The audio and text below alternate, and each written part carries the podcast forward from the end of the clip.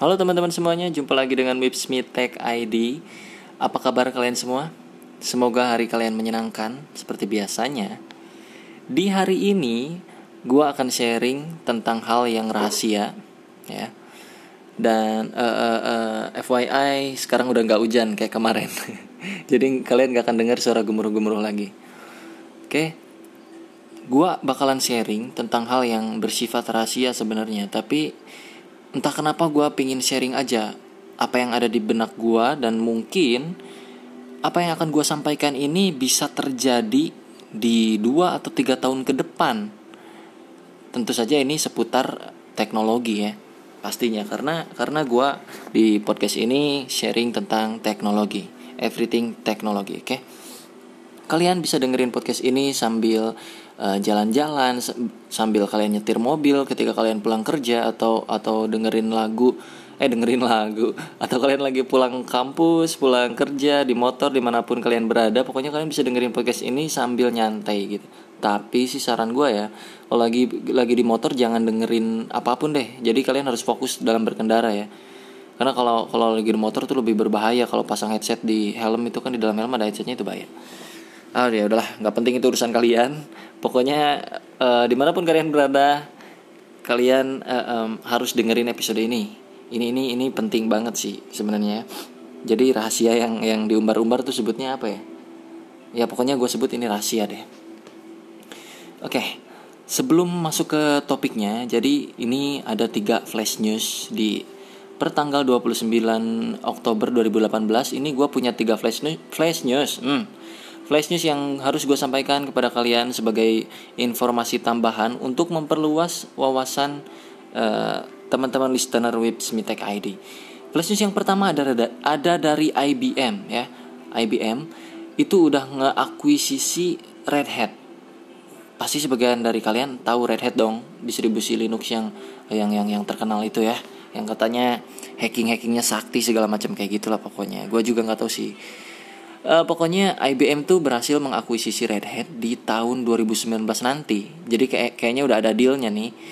Nilainya sebesar 30 mili 30 uh, 34 miliar kalau nggak salah 34 miliar dolar. Itu setara dengan uh, nolnya ada ah, gila ada banyak. Setara dengan 500 triliun rupiah, 500-an, pokoknya 500 lebih, 500 triliun. Itu proses yang pertama dari IBM yang berhasil mengakuisisi Red Hat untuk tahun depan uh, buat kalian yang belum tahu ya lumayan untuk nambah-nambah informasi ya. Karena karena kita bergerak di bidang teknologi tuh kita harus up to date dong. Di flash yang kedua ada Facebook yang juga ternyata Facebook ini udah mulai merambah ke dunia-dunia hardware. Nah jadi Facebook ini udah mulai bikin-bikin teknologi hardware yang pakai AR dan AI augmented reality dan artificial intelligence Nah, setelah Google uh, ngeluncurin Google Google Glass ya dulu dulu itu kan tahun berapa ya Google Glass kalau nggak salah 2000 ya baru dua tahun atau setahun lalu lah ya. Kalian juga pasti tahu lah Google Glass itu kayak gimana. Itu itu langsung si Facebook mungkin ya, mungkin di di benaknya Mark Zuckerberg langsung kepikiran, aduh, gua juga harus bikin nih sebuah hardware dari Facebook ya. Nah, terus Microsoft bikin bikin hal yang sama kayak Google Google Glass gitu dengan nama HoloLens. HoloLens itu buatannya Microsoft dan dengan begitu Facebook uh, si Mark Zuckerberg ini langsung fix kayaknya. Gue harus bikin hardware juga. Dan sekarang uh, giliran Facebook yang bikin kacamata AR buatannya sendiri entah apa motivasinya dia uh, Mark Zuckerberg bikin kacamata AR bahkan Facebook ini udah ngakuisi mengakuisisi hmm, perusahaan VR bernama Oculus di tahun 2014 udah dari dua tahun eh dua tahun udah dari empat tahun lalu loh. Dengan nilai nilai akuisisi akuisisi yang gede 2 miliar dolar Amerika. Udah bisa kalian bayangin itu itu nilai hmm segede apa ya? Itu menurut gue mengejutkan sih. Facebook udah berani coba merambah uh, ke dunia hardware yang yang sebenarnya gue juga nggak tahu apakah nantinya uh, produk yang diluncurin Facebook ini bakalan bisa diterima masyarakat atau enggak karena secara secara nyatanya nih ya Google Glass aja nggak nggak nggak seperti yang diharapkan oleh marketingnya Google kayak gitu. Jadi yang tadinya ekspektasinya mungkin penjualannya mencapai 2 juta dalam waktu sebulan tapi nyatanya enggak nah kayak gitu tak gua gua gue nggak tahu juga sih Facebook apakah bakal sukses di dunia hardware tapi kayaknya enggak deh. Mereka lebih bagus di dunia software kayak Instagram uh, Facebook.com-nya itu sendiri uh, kok kalau ngomongin Facebook gue ingetnya nol Facebook kalian pernah nggak sih ngalamin Facebook mungkin zaman zaman era anak sebelum non milenial ngalamin ya nol Facebook yang gratisan nggak muncul gambar Oke, okay, versi yang ketiga ada dari uh, uh, um, ini sih lebih ke survei ya. Versi yang ketiga ini survei. Jadi seperti yang di episode sebelumnya yang pernah kita bahas uh, seputar game, seputar gaming ya. Ternyata ada fakta yang mengatakan bahwa di Indonesia adalah Indonesia ini ya masuk negara ke-16 terbesar di dunia dari segi jumlah pemain gamenya. 16 terbesar di dunia loh. Indonesia dengan user uh, usernya tuh sebanyak kurang lebih 40 jutaan 40 juta 40 juta user gila banget Indonesia ini udah jadi negara yang ya apa ya konsum konsumsi gamingnya tinggi banget sehingga menghasilkan perputaran uang dari industri game itu sendiri mencapai 880 juta US dollar atau setara 13 triliun rupiah dari gaming loh dari user gaming dan data tersebut itu diperkirakan bakalan naik dua kali lipat di tahun 2019. It's so amazing. uh, jadi yang episode kemarin kita ngomongin gaming versus orang tua ya, anak gamer uh, versus orang tua. Kita ngomongin dari sisi sisi uh, um, perspektif gue sebagai gamer gitu. Yang mana orang tua tuh uh, selalu mencaci anaknya yang sekali bermain game itu kayaknya bodoh segala macam. Tapi faktanya Indonesia itu negara ke-16 terbesar di mana market game developer di Indonesia makin tinggi tentunya. Bahkan kalian yang yang suka main game sekarang nggak nggak perlu kalian mengkonsumsi mengkonsumsi game-game yang ada di Indonesia. Kalian bisa buat uh, mulai kecil-kecilan lah bikin game sendiri. Udah banyak kan ya contoh kayak RPG Maker yang gitu-gitu. Ya walaupun ecek-ecek tapi seenggaknya kalian mencoba daripada enggak sama sekali. Bagus-bagus sih kalian pakai Unity atau uh, Unreal Engine segala macam yang gitu-gitu ya. Itu buat advance ke atas sih ya. Tapi menurut gue apa salahnya mencoba daripada enggak yang ya kan? Kayak gitu kan? Itu tadi flash news uh, di tanggal 29 Oktober 2018 hari ini uh, topiknya gue jadi lupa tadi mau ngomongin apa. Oh iya rahasia ya. Gue mau ngomongin ngomongin rahasia apa yang ada di benak gue wih. Ini jadi kayak so so so apa gitu so visioner banget sebenarnya. Tapi nggak masalah. Mau kalian ngomong gue uh, songong atau apa ya yang gue nggak peduli sih ya. Yang jelas gue ingin sharing apa yang ada di benak gue tentang teknologi di masa yang akan datang. Syukur-syukur kalau di antara kalian ada yang bisa mengimplementasikan ide gue saat ini yang yang mau gue omongin itu bagus, bagus banget. Kita ngobrol bareng, terus kita buat sistemnya kayak gimana. Pokoknya kita mulai aja di episode yang satu ini, episode ini ya. Aduh sorry, nggak ada intro, nggak ada intro karena gue record langsung, record langsung. Jadi ini nggak nggak nggak ada edit-edit sama sekali. Gue langsung ngoceh jadi nggak ada intro nggak ada musik musik back uh, bukan background nggak ada musik musik interlude kayak gitu nggak ada. Langsung aja. Topiknya yang ngebahas tentang rasa eh rasa. Kok jadi rasa? Apa sih? Ini aneh banget. Rahasia yang ada di otak gua. Oke. Okay. gua mau ngomongin nih yang ada yang lagi ada di otak gua dari dari dulu sebenarnya dari satu tahun lalu itu gua pingin bikin sebuah sistem di mana ah uh, ntar, ntar, jangan dulu ke sana deh. Gini ya. Kalian pasti pernah pakai wifi kan? Kalian kalau ke kampus ke kantor mungkin di antara kalian pasti pakai wifi. Mau yang gratisan yang berbayar 5000 per hari nggak di limit segala macam terserah kalian. Tapi kalian pasti kenal wifi dengan sangat dekat lah ya. Ke mana-mana butuh wifi ataupun yang yang yang mungkin ada yang bilang ah orang miskin pakai wifi. Buset. Sekarang zamannya udah beda guys wifi itu udah udah jadi apa ya hmm, kalau kalau diibaratkan dengan wanita tuh ya aura kasih lah. Wifi wifi itu udah jadi kayak aura kasih. Udah jadi udah jadi kebutuhan manusia. Pengumpamaan macam apa itu? Ya pokoknya setiap orang butuh wifi sebenarnya ya. Nah yang gue pikirin adalah wifi itu kan uh, uh, ada di mana-mana udah bisa kalian nikmatin mungkin di gerai-gerai atau kayak kayak di tempat shopping terus di di restoran di coffee shop di barber shop hampir di segala penjuru ada wifi. Iya nggak sih? Iya kan? Ada wifi. Nah tapi wifi ini kendalanya adalah uh, uh, uh, bisa dibawa gitu. Apa ya? Uh, buk emang emang sih ada wifi yang bisa dibawa tuh namanya MiFi ya. Kalian tahu smartphone smartphone dan Huawei yang gitu-gitu ada tuh MiFi portable wifi itu sebutnya MiFi. Itu bisa dibawa oke. Okay. tapi tapi maksud gue bukan gitu. Jadi gue pingin bikin satu satu perangkat yang bisa nyedot kuota wifi itu kayak gimana.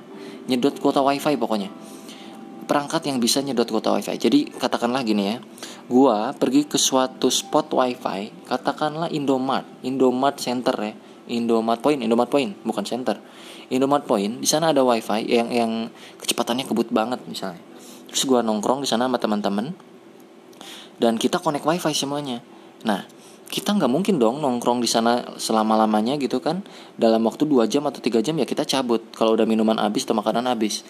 Nah ketika kita cabut kalau misalnya kita nggak punya kuota kita kan otomatis harus cari tempat wifi lagi. Ditambah lagi wifi ini harganya di atas 500 ribu.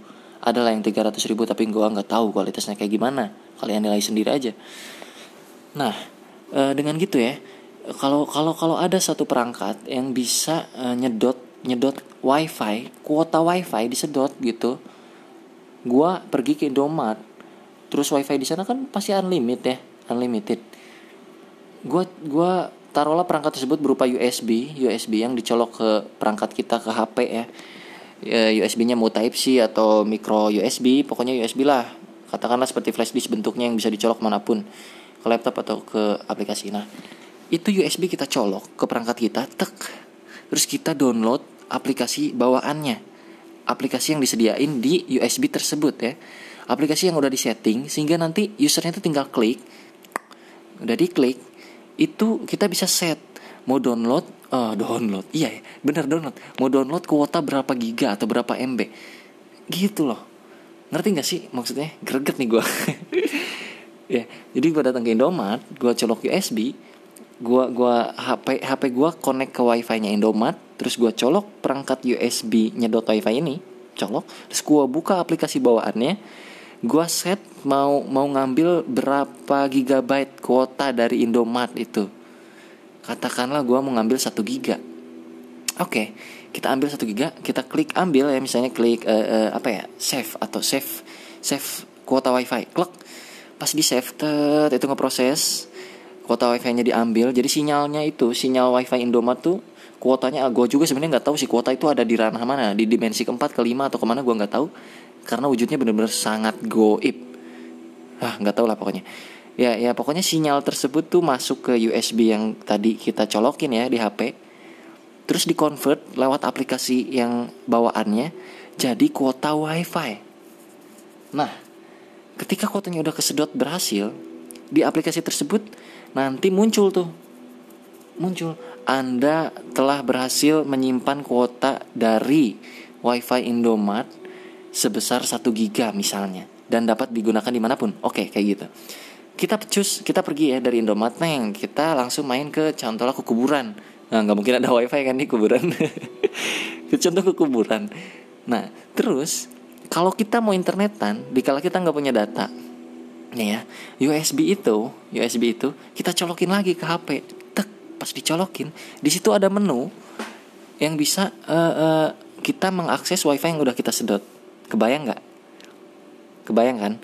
Ada menu yang bisa uh, ngakses wifi yang udah kita sedot senilai uh, sebesar 1 giga tadi 1 giga ya.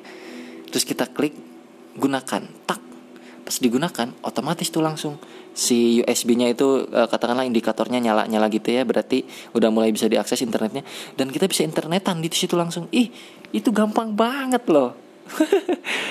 Tapi gue nggak tahu buatnya kayak gimana makanya gue sharing di sini. Barangkali kalian ada yang berminat ingin membuat sistem seperti itu ayolah kita join kita gabung kita bikin bersama. Kenapa enggak? Generasi muda tuh harus ya belak belakan terus kita harus terjun langsung. Ah nggak usah mikirin a i w o. Buat aja gitu. Nah terus kalian pasti mikir, lah kenapa lu aja nggak buat sendirian? Men, dunia ini nggak nggak bisa hidup sendirian di dunia ini. gue butuh partner gue butuh tim gue butuh temen yang bisa kita sharing ide bareng. Gue nggak bisa hidup sendiri di apalagi di Indonesia ya. Gue butuh research kita tuh harus kerjasama supaya bisa bikin satu hal gitu. Dan dan ya itu tadi contohnya uh, perangkatnya sederhana seserha, sesederhana itu loh. USB doang ya. Ya USB-nya mungkin kita bisa bikin dari kayak Arduino atau apa yang dihubungin yang di solder solder segala macam yang gitu lah. Pokoknya dihubungin segimana caranya bisa nyolok ke berbagai platform Android kah laptop kah apa pun itu.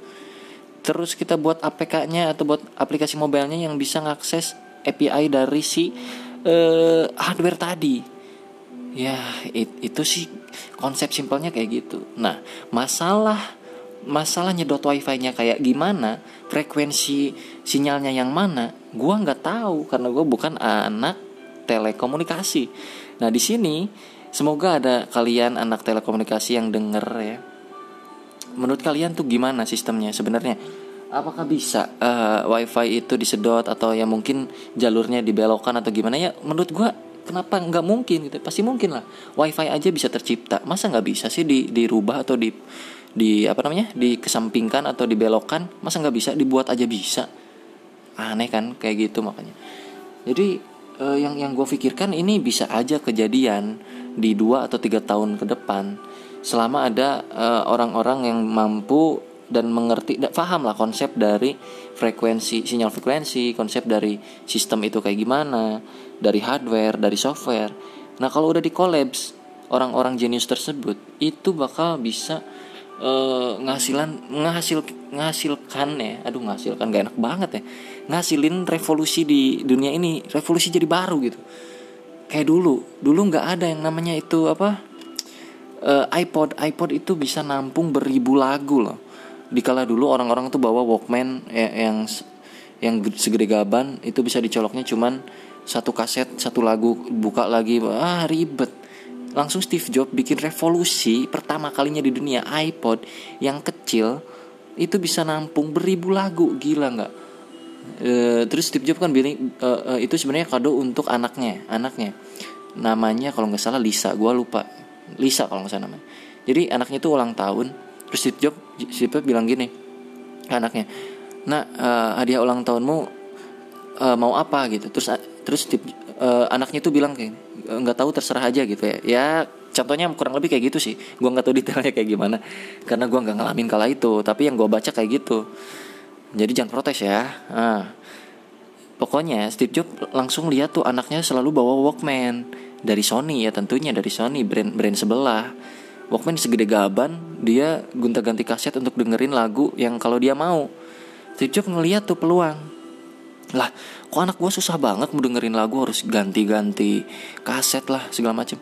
Oke nak hadiah ulang tahun kamu akan bapak buatin sebuah Walkman yang kayak gitu tapi lebih kecil bisa menampung seribu lagu di dalamnya. Gila nggak dari omongan itu langsung jadi langsung jadi. Ya nggak nggak detik itu juga. Maksudnya langsung diproses dan langsung nyata. Itu langsung revolusi di dunia bener-bener. Udah gila-gilaan. Dari sana langsung dev, semua developer udah jadi kayak kayak wah udah amburadul gitu. Steve Jobs sudah jadi kayak jadi trendsetternya di desain lah di desain ya. Desain konsep segala macam kayak gitu. Uh gila udah ngeri. Nah kalau zaman dulu udah bisa bisa kayak gitu kenapa kita enggak? Research di internet itu di internet tuh udah banyak banget. Kita bisa browsing apa pun di internet. Yang enggak ada pun bisa diadain ya enggak? Pokoknya udah banyak banget. Tapi kenapa kita nggak berani membuat satu hal yang sekaligus beda gitu? Ya bosen lah ya kalau kita bikin e-commerce e-commerce. Bikin aplikasi rumah sakit apotek aplikasi material. Ah ya udah bosen nggak asik nggak asik gitu. Udah udah banyak udah banyak. Udah banyak software host di luar sana yang bikinan kayak gitu. Tapi yang gue pantau saat ini belum ada loh ya. Yang gue pantau ya nggak tahu sih sebenarnya kayak gimana. Tapi gue bisa yakin ini 99% belum ada yang di, yang bikin alat yang bisa nyedot wifi. Kenapa kita nggak buat? Dan sebenarnya kalau mikirin rugi tentang ide yang gue sharing gue nggak pernah mikir rugi. Karena gue niatnya sharing ketika kalian punya ide ya udah kita sharing aja kita barter informasi ya enggak sih? Zaman sekarang tuh udah anak muda udah terbuka. Kita udah open mind kita nggak bisa nutup diri uh, wah, kalau gue nggak sharing eh kalau gue sharing nanti ilmu gue diambil. Enggak enggak kayak gitu. Sorry.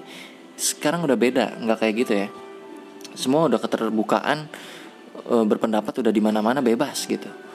Nah uh, itu ide yang yang bisa jadi peluang revolusi di dunia yang kalau teman-teman ada jiwa untuk merubah teknologi ayolah kita gabung kita kita kolaps kita kita apa ya kita interaksi.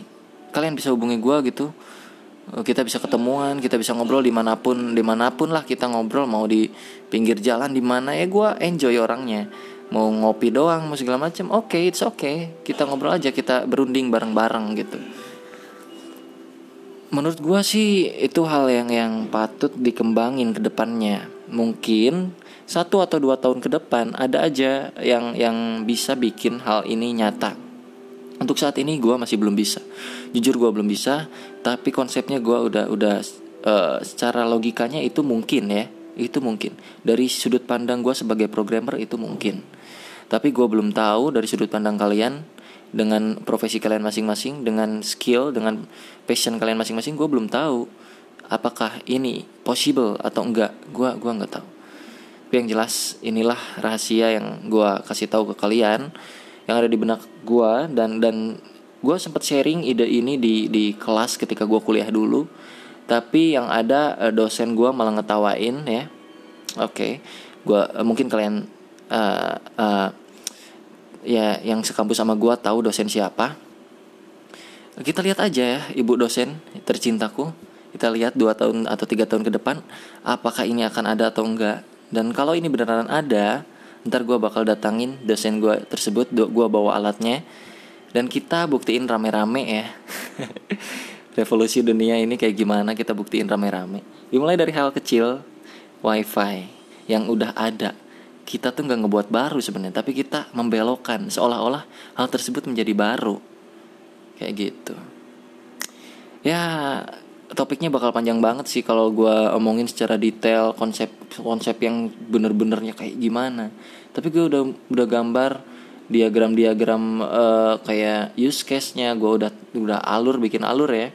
Bikin alur dari program tuh ke mana user tuh butuhnya apa intinya user tuh butuh kemudahan kan semua tuh udah butuh kemudahan dan butuh yang gratis percuma mudah tapi nggak gratis ya nggak nah, dengan begitu, uh, silakan kalian berpikir secara dewasa, secara open mind. Kalian pikirkan diri kalian ini saat ini berada di posisi mana sih? Apa yang pernah kalian capai selama ini? Coba sebutin apa aja yang pernah kalian buat. Kalian hidup uh, hidup udah berapa tahun sekarang 20 tahun mungkin ya 18 sampai 30 tahun mungkin yang dengerin podcast ini Dan gue tanya apa yang pernah kalian buat Yang berimpact kepada masyarakat dan dipakai oleh masyarakat Apa? Coba kalian detail, rinci, bikin notes di laptop atau di HP kalian. Apa aja yang kalian udah buat dan berimpact untuk masyarakat.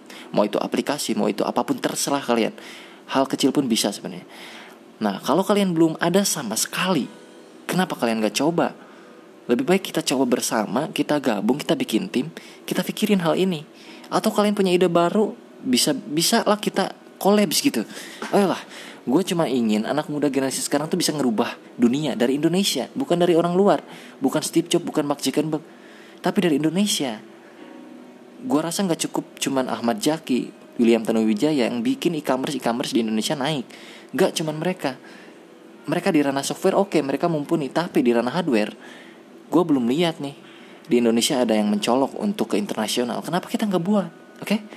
kalian pikirkan dan uh, karena ini udah terlalu lama menurut gue semoga podcast ini uh, kalian bisa nangkep dan kalian bisa terima opini-opini yang udah gue sampai sampaikan ya. Mungkin secara nggak langsung ini uh, uh, berupa masukan dan dan ini bisa di bisa kalian olah secara matang bisa kalian olah dan kembangin lagi. Uh, ya ya sekian dari gue Wibsmitek ID jumpa lagi di episode selanjutnya. Bye bye